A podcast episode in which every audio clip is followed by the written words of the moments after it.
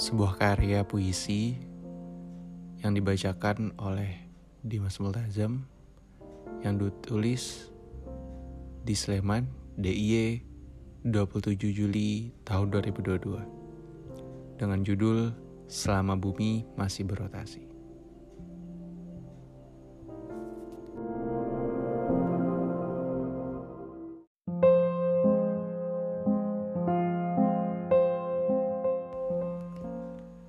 Selayaknya bumi yang terus berotasi, ada kesempatan penghuninya untuk terus ikut bergerak mengikuti rotasi.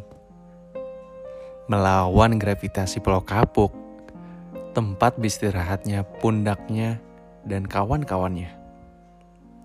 Mungkin kau telat, barangmu yang kamu sayang jatuh dan casingnya rusak.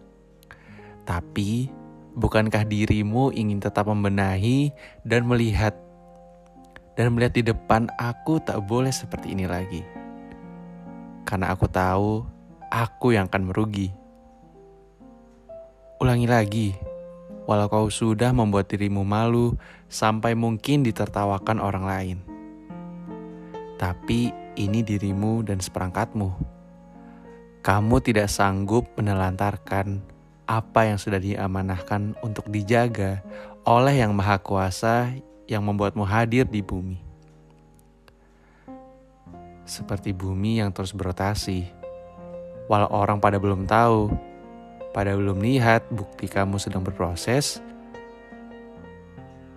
masih ada waktu untuk kamu, untuk kamu menjalani hari demi hari dengan yang baik-baik. Seperti kata fisikawan masyur itu, Albert Einstein.